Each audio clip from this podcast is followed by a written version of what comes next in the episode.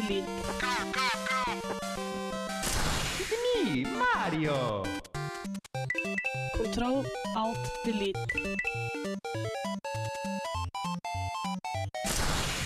Unable to comply.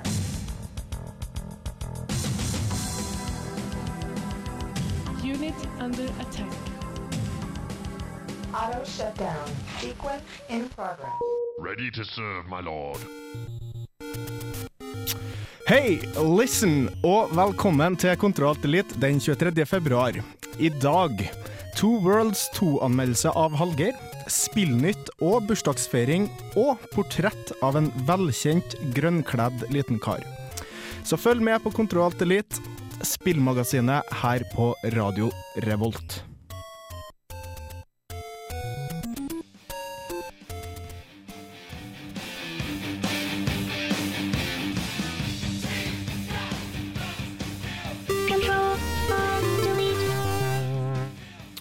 Det var Motley Crew med Looks That Kill. Og jeg har to stykker som har i hvert fall Looks That Kill her i studio med meg. Mitt navn er Erik Vibe. God dag, Hallgeir. God dag. Og god dag, Bård. Hei, hei. Hei. Nå jeg er litt spent, jeg. Ja. Det er bursdagsselskap. Eh, Jeg er litt oppstemt, for at denne karakteren som vi snakker om, han ble født samme året som meg, så han er også et Tsjernobyl-barn, som vi liker å kalle oss. Eh, Vi snakker om 1986. Det er 25 år siden, og jeg vet ikke om jeg skal røpe så mye. Vi, vi røpte ganske mye introen, men eh, det er da Link det er snakk om. Og ikke hvilken som helst Link, men da Linken som er assosiert med Zelda-spillene. eh, jeg tenkte først, før vi virkelig gryp, eh, graver oss ned i materien, så skal vi ta litt sånn der eh, hva vi har holdt med, hva vi skal ha i løpet av eh, sendinga og litt sånn der. Eh, Hallgeir, hva du har brukt den siste tida di på siden sist sending? Siden sist har jeg jo spilt, spilt enda litt mer Two Worlds 2, da. Men så har jeg òg fått uh, testa traileren til Dragon Age 2. Mm. Så har jeg òg endelig spilt gjennom traileren til Bulletstorm. Mm. Og nå mener vi ikke trailer, men demo. Ja, så klart. Det Ja. var det jeg mente. Og Bård? Vel, jeg har tatt og testa trailer, jeg òg. Jeg, har jeg ble forelska i traileren til Dead Island, så nå har jeg sett den i originalversjon. Jeg har sett den i riktig rekkefølgeversjon. Jeg har sett den med slapstick-versjon, jeg har sett den med kommentarversjon. Jeg har sett den utkledd som en zombie, jeg har sett den opp ned, og jeg har sett den opp ned utkledd som en zombie i originalversjonen. Ja. Nei, vent, nå tøyser jeg. Jeg så den utkledd eh, som en zombie opp ned i korrekt versjon, selvfølgelig. Nå ble det nesten flaut her nå. For må- det har jo vært veldig snakkis. Ja. Altså, Hvordan vil en uh, slapstick-versjon av den være? Altså, hvordan kan du få til en slapstick av. Ja, Ja, det var men- det. Det Slapstick av ei jente som Ja. dør, det er litt sånn eh, Ja, men vi kommer tilbake til Dead Island og eh, flere spillnyheter. Sjøl har jeg brukt enda mer av tida mi på å ikke bli bedre i Street Fighter 4. Uh, utover det ikke så veldig mye, egentlig. det, det, det blir mye spilling, og det blir mye sånn generell spilling, føler jeg. Sånn spill som egentlig ikke har så mye mål og mening, som jeg aldri kommer fram eller tilbake i. Og det er vel noe de fleste kan assosiere med. Men i dag, dagens sending, vi har da vi har anmeldelse av Two Worlds 2 av deg, Hallgeir. Ja, endelig. Endelig, det var et langt spill. Ja, Jeg ble ikke helt ferdig heller. Nei, og det er såpass, ja. Ja, ja. Det blir spennende. Og vi har masse gode nyheter. Som både DRM for Ubisoft, Telltale har nyheter, og Gears of War har lanseringsdato. Men her kommer Dear Sister av Team, Team Me.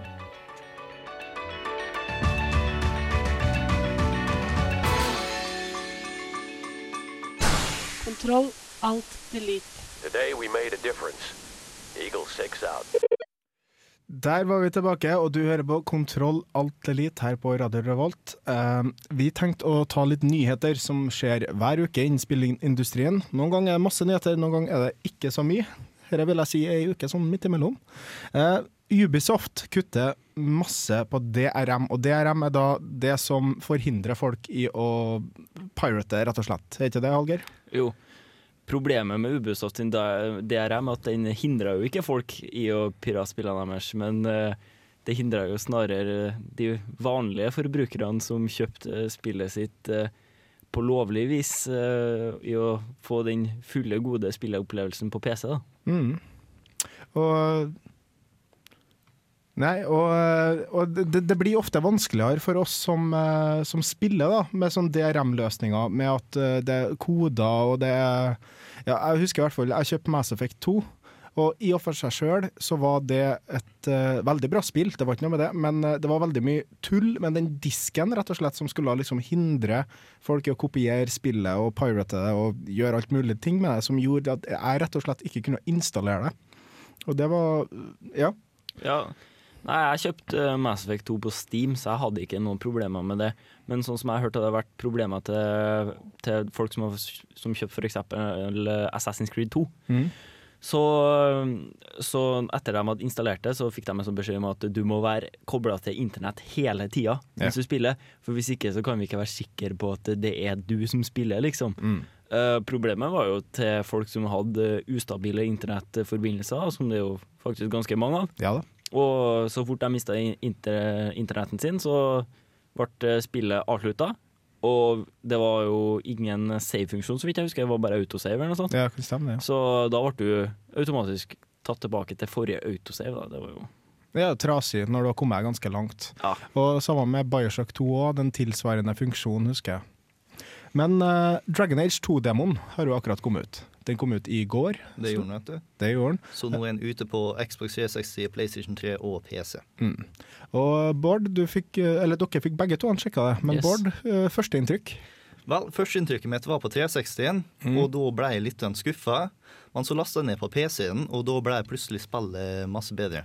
For jeg spilte Dragon Age 1 på PC-en, og jeg syns at Dragon Age 2 fortsatt er et PC-spill. Mm. Det ser kanskje litt mer som et konsollspill i presentasjonen, men eh, gameplay var flaut masse bedre på PC-en. Det at Ja. du har pauseknappen og at du har mus og tastatur, det hjelper veldig masse når du skal styre masse. Mm.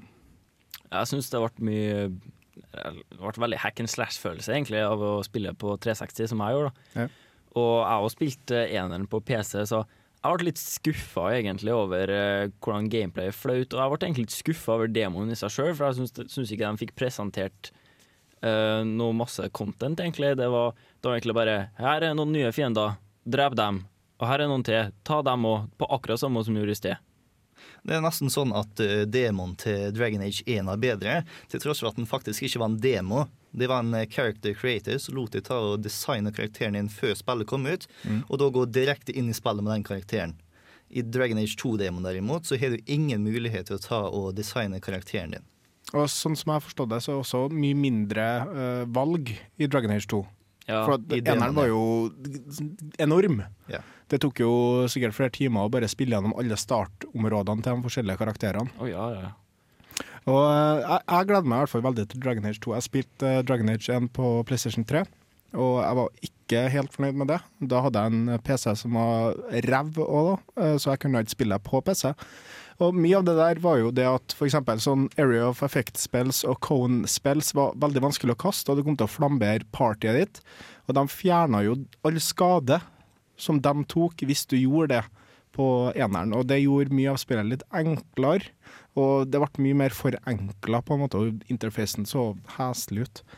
Videre, Telltale Board, hva har de holdt med? De har nå tatt og sluppet en hel her med nye eh, titler som er utvikla. De holder på med tegneserien The Walking Dead, som er en zombie-tegneserie, og eh, eventyr eh, tegneserien Fables. Begge to er fantastisk gode tegneserier som alle burde lese, forresten.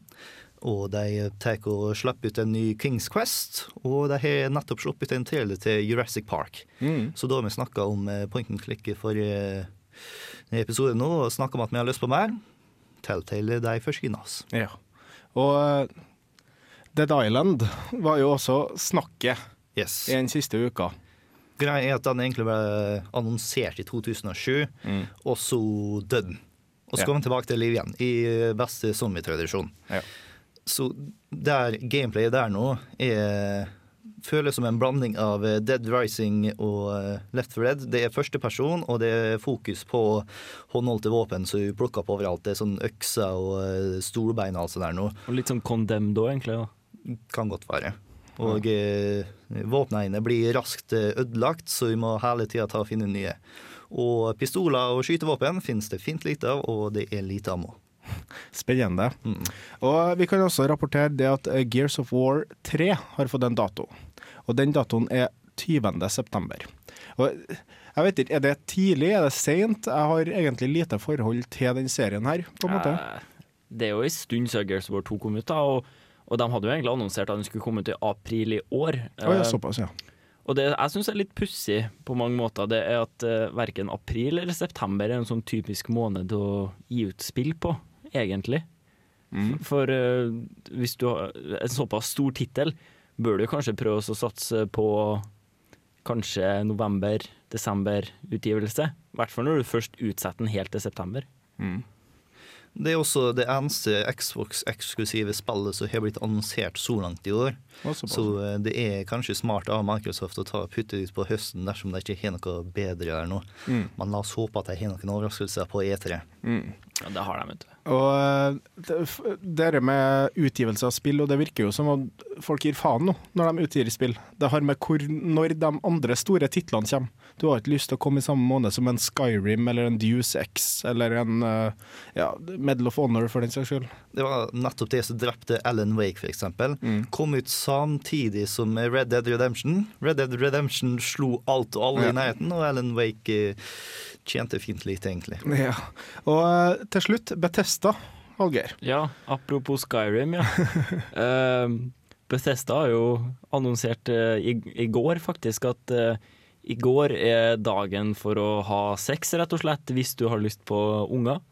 For uh, hvis du får en unge da den eh, 11. november, da, som uh, du kan sikkert uh, slå deg løs i dag hvis du har lyst på det, så og, og hvis du da oppkaller ungen din etter hovedpersonen i Skyrim, så får du en premie. Ja, du får en premie, den såkalt mystery prize. Ja, men jeg tror det var snakk om at eh, du skulle få alle titlene deres på Steam gratis, og alle fremtidige titler gratis. Nei, så lag babyer, folkens. Lag babyer. Har du en arv til deg òg? ja.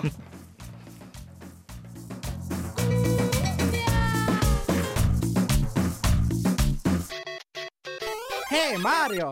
It's a Mia, ukas anmeldelse. Der var vi tilbake. Og det er ukas anmeldelse, ja. Hallgeir, det er du som har tatt for deg ukas spill. Yes. Og det har vært en lang fornøyelse. Åh, og den er jo ikke ferdig enda Det siste uka har jeg bare konsentrert meg om å gjøre main quests Ja, ja. utelukkende, men eh, likevel. Det går Det, det er langt. Det er skikkelig langt. Forresten, vi har fått Are Fjørtoft inn i studio. God dag. God dag, god dag. Hvordan starta med den karen? Det står absolutt bra. Jeg gleder meg til å høre og feire eh, Zelda-bursdagen. Mm. Det er jo ikke akkurat i dag, men eh, cirka nå. Ja. Og eh, jeg har hørt litt sånn mye om Two, eh, two Words, det er jo det han spiller anmeldelse.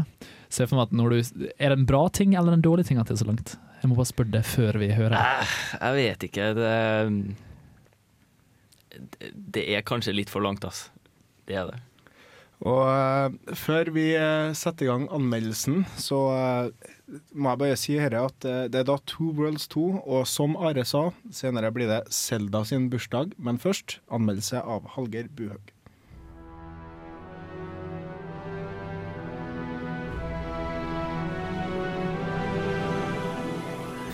Worlds 2 er et RPG utvikla av den polske utvikleren Reality Pump Studios. Spillet kom ut på slutten av fjoråret til PC, Xbox 360 og PlayStation 3.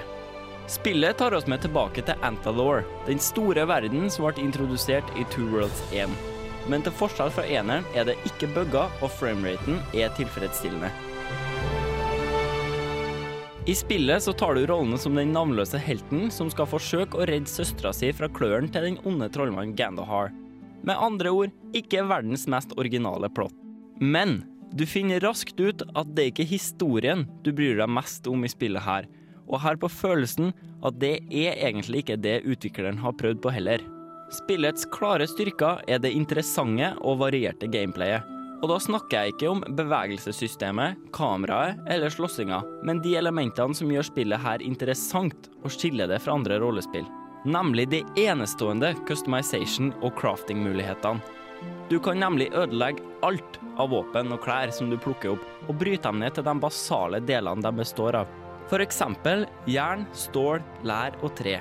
Og de delene kan du igjen bruke til å oppgradere det utstyret du bruker. Du kan òg oppgradere dem med magiske steiner du finner rundt om i verden. For dem som velger å spille som magikere, vil de òg se at man kan eksperimentere med magien. Man kan lage sine egne spill ved å bruke forskjellige kombinasjoner av magikort som gir forskjellige utfall. Dette gjør at man kan ønske å spille gjennom spillet flere ganger. Spillet har òg en multiplayer-funksjon, men selv om den virker litt interessant, tror jeg nok den bare er lagt til for at gamerne som mener at spillet ikke er verdt noe uten multiplayer, ikke skal ha noen ting å klage på. Are you a god? No. Then you will die. I'd like to change my answer. Humoren sitter tidvis som støpt i spillet her, og det gjør opplevelsen ganske sjarmerende. Selv om det ikke alltid treffer spikeren like godt på hodet, er det i mange tilfeller kjempemorsomt. Spesielt hvis man gjør alle de forskjellige sidequestene som man finner, som kan være vesentlig morsommere enn mainquesten. Da kan man se at utviklerne tidvis må ha hatt det veldig morsomt når de skrev manus til spillet. Omgivelsene er fine og variert. Du beveger deg gjennom områder inspirert av afrikanske ørkener, kinesiske skoger, jungeløye og andre kjente omgivelser. Monstrene i spillet er òg variert og stilig, noe de fleste gamere, inkludert meg, setter pris på. En ting som kan trekke opplevelsen litt, er den til tider ikke-eksisterende musikken. Ikke misforstå, jeg krever ikke at en storslått fanfare gjaller gjennom rommet hver eneste gang jeg åpner en kiste, men litt mer bakgrunnsmusikk hadde spillet hatt godt av. For å oppsummere spillet er det først og fremst et spill som rollespillentusiaster kan kose seg med. Hvis man krever en engasjerende historie som hele tida drar deg videre, à la Mass Effect 2, da kan du like godt kjøpe noe annet. Men spillet er såpass godt at hvis du er typen som liker gameplay-baserte rollespill, da bør du i det minste teste. Spillet er et typisk spill der det pros oppveier the cons, men det er bare så fremt du har de samme preferansene som meg.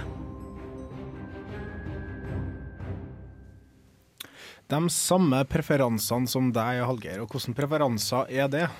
Nei, eh, hvis du er glad i jeg, altså, jeg mener jo at et rollespill det er, ikke, det er ikke basert på at du bare tar en rolle, men det er at du må få lov til å gjøre hva faen du vil med den rollen. Altså, og at du må få lov til å gi den akkurat de abilitiesene du vil at den skal ha, og de klærne og utseendet og så videre. Mm. Og det er nettopp det de gjør, da. Og spesielt det med magien i spillet, det er ganske kult, for da du kan legge sammen forskjellige kort og lage forskjellige spill, så få dem til å bli helt syke, da. Ja, ja. Det mange videoer av det på YouTube. Ja.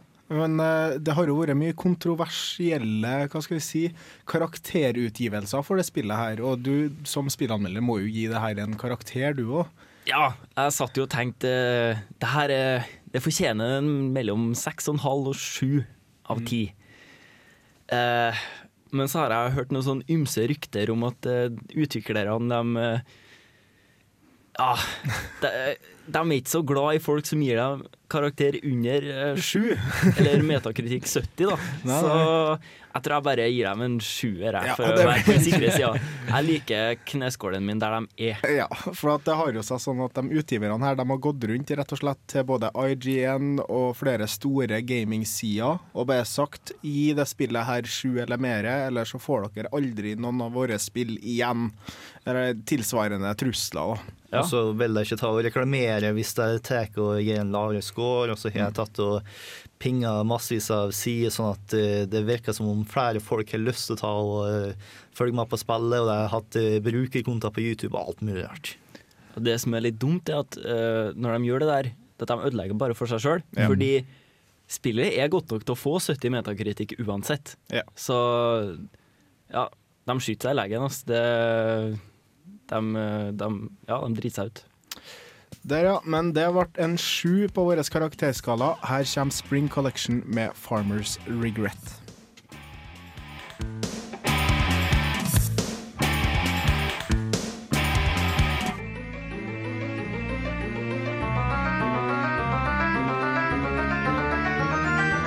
Oi, en kontrollantelit! Det var eh, en Herlig jingle. Ja, Det var en herlig jingle. Ja, uh. Eh, Men uh, det er jo litt med tematikken til sendinga og sånn. Vi har jo tross alt et 25-årsbarn med, meg, eh, med oss i ånden, og det er da Link. Og for dem som kjenner igjen den lyden her, så er det når du åpner ei kiste da, i Ocarina of Time og Majoras Mask, tror jeg. Det er vel ikke hvilken som helst kiste, er det? Det er de store kistene. Ja, store kistene. Med Big Key eller bomber eller Våpen og heart containers og gode saker. Ja, jeg kjenner jeg blir litt varm inni meg. Eh, Jeg har eh, gjort klart et eh, karakter, lite karakterportrett av vår kjære venn Link, som vi egentlig bare kan sette i gang her.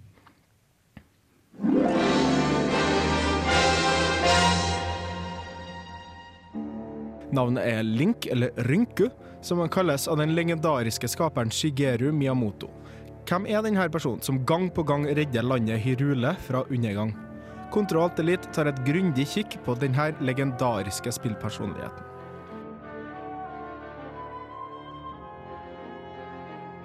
Lite er egentlig konsekvent med The Hero of Time. Link har både vært menneske, alv og i enkelte tilfeller en kanin. Han har som regel vært en plass mellom 10 og 25 år, og har dukka opp i alt fra fighterne Smash Bros og Soul Calibur til spill som Super Mario RPG. Referert til i South Park-episoden Imagination Land og i filmen Scott Pilgrim vs. The World, forteller det her oss at det er liten tvil om at denne grønnkledde helten har en fanskare som kan rivalisere den til andre popkulturikon. Links fandom er så stort at det til og med har blitt skrevet bøker om filosofien i spillene, samt laga en Zelda-frokostblanding.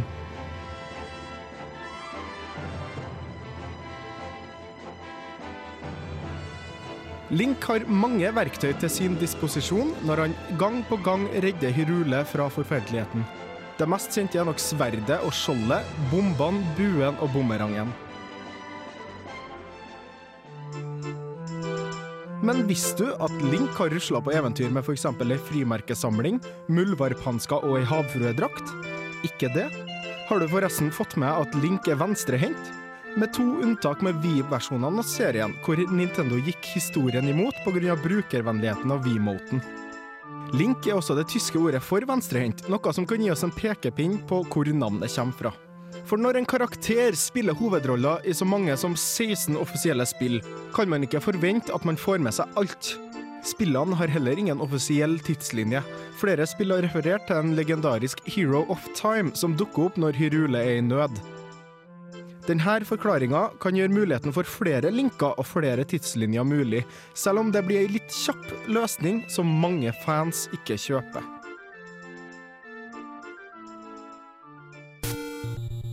Nå som serien er 25 år gammel, har vi ei viss peiling på hva vi kan forvente oss videre av den grønnkledde, lavmælte alven. Men gleder oss nok en gang til å bli fengsla i enda et episk eventyr. Og ja, jeg ser helt bort fra alt som har med CDI å gjøre. Philips, gå og skam deg!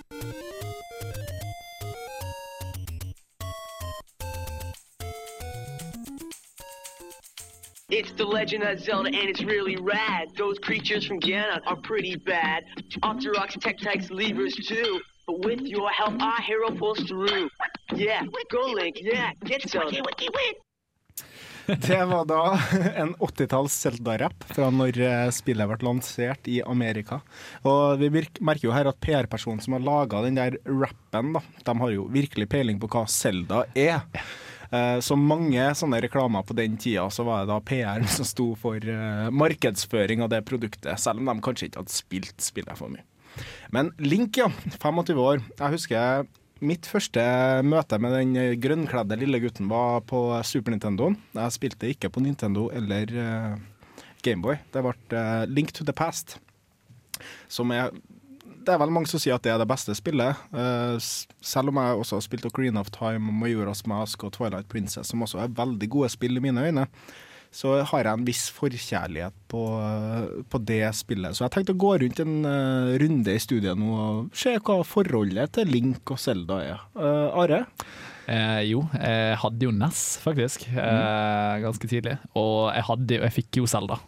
Den ene, som vi kalte den. Ja, da to av tre kom, da begynte vi å kalle den ene. Uh, og det er det beste spillet.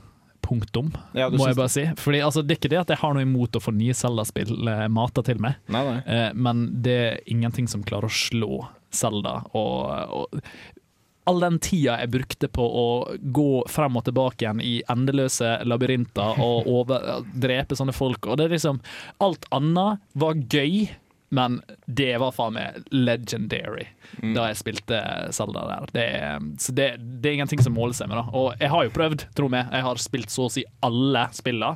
Eneste Zelda-spillet jeg ikke tror jeg har spilt ennå, eh, det må eventuelt være en sånn weird japansk versjon. Og uh, det lille DS-spillet hvor du skal styre disse fire, fire Zeldaene. Har du spilt det der med toget som nettopp kom Jepp, ut? det har jeg spilt. Ja, såpass, ja. Så jeg har spilt alt, uh, bortsett fra den ene lille DS-en. Så hvis det er noen som har det liggende, bare send det til meg. Jeg har en DS, du bare sender det til meg. Eh, så blir jeg jævlig glad, for at jeg spilte. Har du spilt uh, Tingles Rupee Land?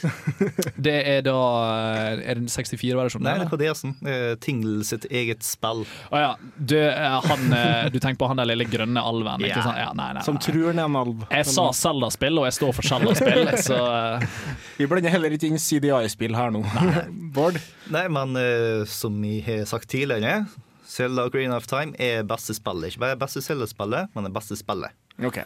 Og eh, grunnen for det her nå er ikke bare det at det er første spillet, men det er også den fine balansen mellom eh, main quest og side quest, sånn som eh, du snakka om i uh, Tuels 2 her nå. Fordi at uh, for eksempel Link to the Past er så å si bare main quest. Ja, det er nok det. Mens uh, Majora's Mask er 90% nesten sidequest, og så har vi fire tempel. Ja. Men uh, Ocarina of Time har den fine balansen som gjør at den er perfekt. Er du lei av tempel, så gjør du noe annet. Er du lei av det, så går hun tilbake til tempel. Og det skal jo sies det at eh, Ocarina of Time må jo være det spillet som ikke er basert på musikk, men likevel har et av de beste musikkinnspillene Ja. i, i, integrert i et spillet sitt. Så det, det Ocarina of Time kommer på en fin andreplass med meg. Yes. Hallgeir? Jeg har nå egentlig bare spilt eh, Jeg har ikke spilt så mange, så jeg har spilt Ocarina of Time, det er unna, og så har jeg spilt eh, Legend of Zelda, og så har jeg prøvd litt Majoras Mask. Men da var jeg så liten, så jeg skjønte ingenting. Ah, ja, okay. Absolutt ingenting. Hva var det klokka som holdt på gikk ned? Og, nei. Uh, men uh, Legend of Zelda, ja, det spilte jeg bare for et par år siden. Uh, Purely retro, rett og Ja, ja, slett. ja. Så det Jeg kan ikke si at det måla seg akkurat på Ocarina of Time, men det er for jeg har jo ingen eh, nostalgisk følelse av å spille. Eh, men det var jo festlig. Det var jeg og en kompis som satt opp til langt på natt, eh, flere netter faktisk, og spilte. Og så Ocarina of Time, det Det var bra. Det var Veldig bra. 99 metakritikk, er det ikke? Ja, det er Helt veldig insane. høyt i hvert fall. Det er det høyeste. Og, og det er vel en jevnganger på alle Zelda-spill. Det er bra spill. Det er stødige spill. Du vet hva du får. Ja, og det som er så fint av det er at Man kan se tilbake på den perioden fra Nintendo 64. Og så man kan, fordi I og med at det er ingen som lager spill til Nintendo 64 lenger, så kan man faktisk lage seg liste. Hvilken var den beste? Og folk har jo gjort det, og hver gang så kommer jo Selda Zelda Ocarina of Time. Så bak der så kommer faen meg Nintendo, nei, Super Mario 64. Helt to OK eh, spill til å ha på første og andreplass. Ja, Ja. eh, om de har kniver om den første og andreplassen, det vet jeg ikke. Men eh, i dette rommet her så virker det som at ingen er uenig. Det er vel Ocarina of Time som tar den plassen. Zelda og Ocarina of Time er en av de bedre spillene man noen gang har spilt. Eh, videre så skal vi snakke litt mer om Selda Zelda og eh, Zelda-serien. Men først så tenkte jeg at vi skulle høre på Deerhoof med Secret Mobilization.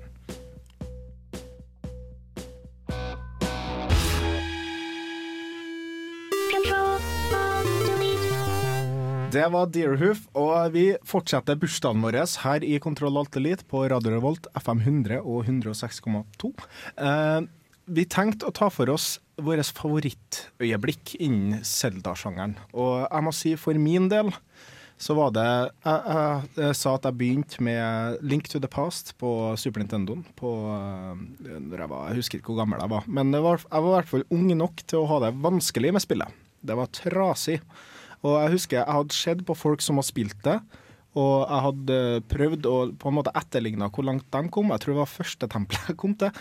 Og jeg skulle få tak i de springeskoene. For at du får springeskoene det, det spillet, sånn at du kan knuse vegger og springe fort. Og det er en boss du må ha det til, og det er forskjellige ting som du må ha det der krafta til å springe fort i. da. Og jeg fikk det aldri til.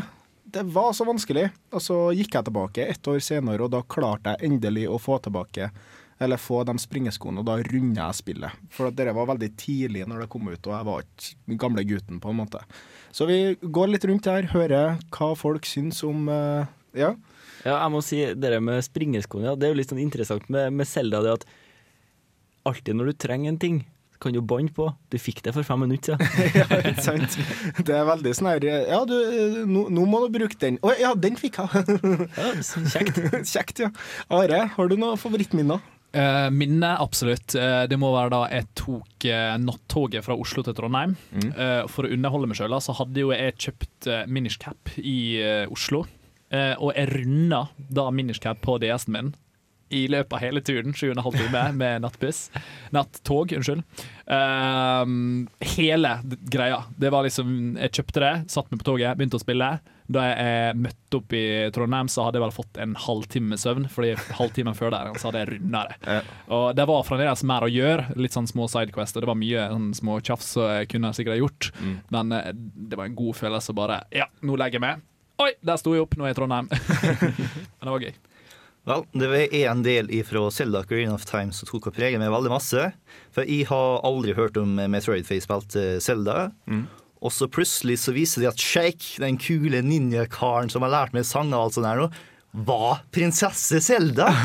What?!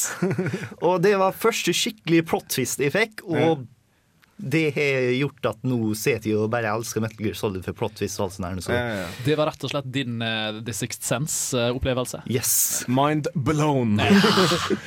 Hallgeir? Jeg, eh, jeg, må, jeg må bare si når jeg var ferdig med Vanntempelet i Ocarina of Time, da var jeg glad. Da er man fornøyd. Det Det, det kjennes ut som du har vært på en sjutimersdag og arbeida. Ja, altså, det er jo bare det håpløse repeteringa og så gjør ingenting. Det er bare opp, fyll opp med vann, ned, ta vekk vannet igjen, opp, fyll opp med mer vann. Oi, jeg glemte av noe! Må fjerne alt vannet igjen. Og, Det som Ta av deg skoen, ta av deg skoen. det som er litt skummelt, hvis du har nettopp har klart å runde av vanntempelet, og så møter du en fyr som nettopp har Mount Everest, så kommer du til, fremdeles til å føle at du har bare med- gjort en mer imponerende ting enn den Å ja, du var, du var der, du, ja. ja jeg runda akkurat vanntempelet. uten walkthrough. Det er Og det, det er sånn der, Det er staple of approval det for tida. Det er sånn der, Jeg runda det spillet uten walkthrough. Det var før internettet. Unnskyld meg. Men eh, vi skal høre litt eh, spillrelatert musikk her. Eh, Bård, det er du som har gravd opp en sang her. Yes, det er en kar som var på Nintendo-forumet for evig uke siden, som heter Alak. Og han lagde en hel haug med fantastiske akustiske cellesanger som han gjorde på gitar helt alene. Bare med å høre musikken. Og han lagde en favoritt min er Gerudo Valley, som jeg skal ta og høre på nå.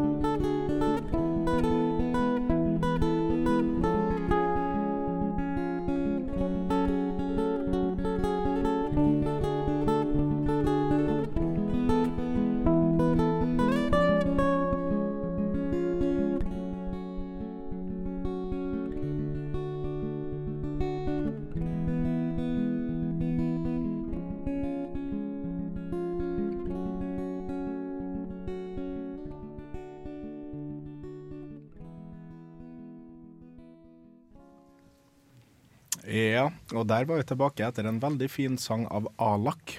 Gerudo Valley. Og hvilket spill var det fra? Det var selvfølgelig fra Ocarina of Time. Det er noe eh, triben med bare kvinnfolk som han Gendorf kom fra. Ja. Og eh, vi tenkte jo vi skulle også ta en, en litt sånn der sniktitt på hva, eller en lytt da, på hva du kan eh, høre neste sending her på Kontroll til Elite. Hallgeir, du har noe spennende i posene. Ja. I morgen skal jeg begynne å spille Bullet Door, så det Skal være en anmeldelse klar til neste uke. det det, blir bra, sjø. Mm. Det blir bra. Og jeg prøvde sjøl å anskaffe meg Tactics Ogre, Let's Cling Together, tror jeg det heter. Og hvis jeg får tak i det spillet, så skal dere selvfølgelig få høre en anmeldelse av det. Og jeg skal se enda mer av Dead Island-traileren. ja. Bård skal sitte og se på Dead Island til øynene hans detter ut. Eh, vi har vært Are Fjørtoft. Bård Ressa. Hallgeir Buhaug. Og Erik Vibe. Og inntil neste gang så kan du laste oss ned på iTunes. Du kan laste oss ned på radiorevolt.no, eller høre oss der. Og du kan besøke oss på Facebook. Der har jeg også lagt ut eh, Dead Island-traileren og alle forskjellige versjonene. Mm. Så det eneste som gjenstår er å si gratulerer med dagen, Link. Ha det bra. Ha det! Ha det! Lørdag 26. februar er det superheltfest på Samfunnet, og Ultra Sheriff spiller i storsal. Ultra Sheriff er et biometrisk syntband som søker å utrydde menneskeheten med låter som Firestorm og Make Me a Cyborg. De er superheltskurker, men du kan kle deg ut som din favorittsuperhelt og redde verden på Samfunnet denne lørdagen.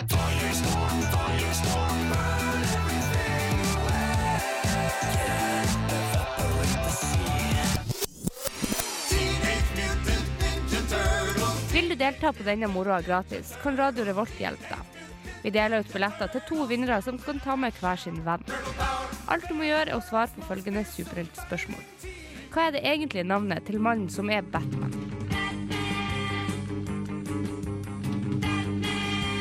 Hva er det egentlige navnet på mannen som er Batman? Send ditt svar med navn og telefonnummer på SMS med kodeord RR til 2030, eller ditt svar med navn og telefonnummer på mail til nestenhelg at radiorevolt.no.